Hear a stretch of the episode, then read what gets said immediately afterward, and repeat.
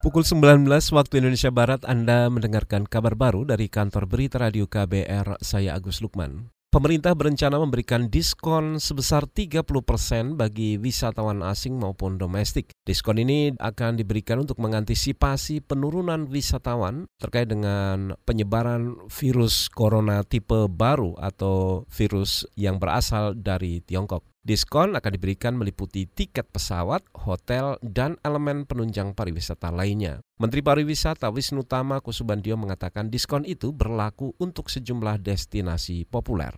Oh destinasi diskonnya kan e, rencananya tuh ya tentunya ke Bali, e, Likupang, Sulawesi Utara, Bintan, Batam gitu. Tapi ada rencana kita akan tambah lagi destinasi-destinasi destinasi-destinasi destinasi-destinasi lain seperti ke Jogja, Lombok, Labuan Bajo dan sebagainya. Menteri Pariwisata Wisnu Tama Kusubandio mengatakan telah melakukan pertemuan dengan Menteri Perhubungan Budi Karya Sumadi dan sekitar 30-an maskapai penerbangan. Wisnu juga akan menggelar rapat dalam waktu dekat dengan sejumlah kementerian lain untuk mematangkan kebijakan diskon tersebut termasuk dengan Menteri Keuangan. Markas Besar Kepolisian mengancam akan mempidanakan pihak-pihak yang sengaja menyembunyikan tersangka kasus suap pergantian antar waktu anggota DPR yaitu Harun Masiku yang menjadi politisi PDI Perjuangan. Harun Masiku statusnya saat ini masih buron dan hingga kini keberadaannya masih belum ditemukan meskipun dikonfirmasi masih berada di Indonesia. Juru bicara Mabes Polri Asep Adi Saputra memastikan mereka yang membantu atau melindungi tersangka Harun Masiku bisa dipidana. Meski begitu Asep menyebut belum ada indikasi Harun sengaja disembunyikan.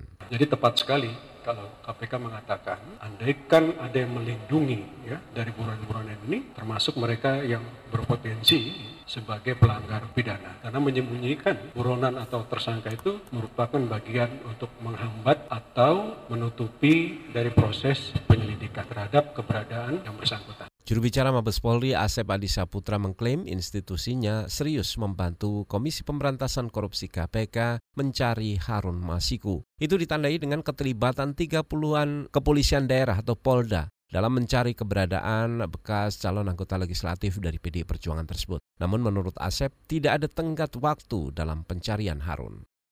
Beralih ke informasi lain, bekas Direktur Utama PT Industri Telekomunikasi Indonesia atau PT Inti, Darman Mapangara, dituntut tiga tahun penjara dalam kasus dugaan suap antar BUMN. Dalam sidang tuntutan di Pengadilan Tipikor Jakarta hari ini, Jaksa KPK juga menuntut Darman membayar denda sebesar 200 juta rupiah, subsidiar 5 bulan kurungan. Darman dianggap terbukti memberi suap kepada Direktur Keuangan PT Angkasa Pura II, Andra Agus Salam, agar PT Inti mendapat sejumlah proyek. Uang suap yang diberikan dalam mata uang dolar Amerika dan dolar Singapura dengan jumlah total sekitar 2 miliar rupiah. Dalam tuntutan ini, KPK menyebut sejumlah poin yang memberatkan terdakwa, di antaranya terdakwa selaku direksi BUMN mengabaikan prinsip tata kelola perusahaan yang baik. Selain itu, terdakwa menyalahgunakan kewenangannya, melakukan kejahatan, dan aktif melibatkan orang lain. Terdakwa juga dianggap tidak mengakui dan menyesali perbuatannya.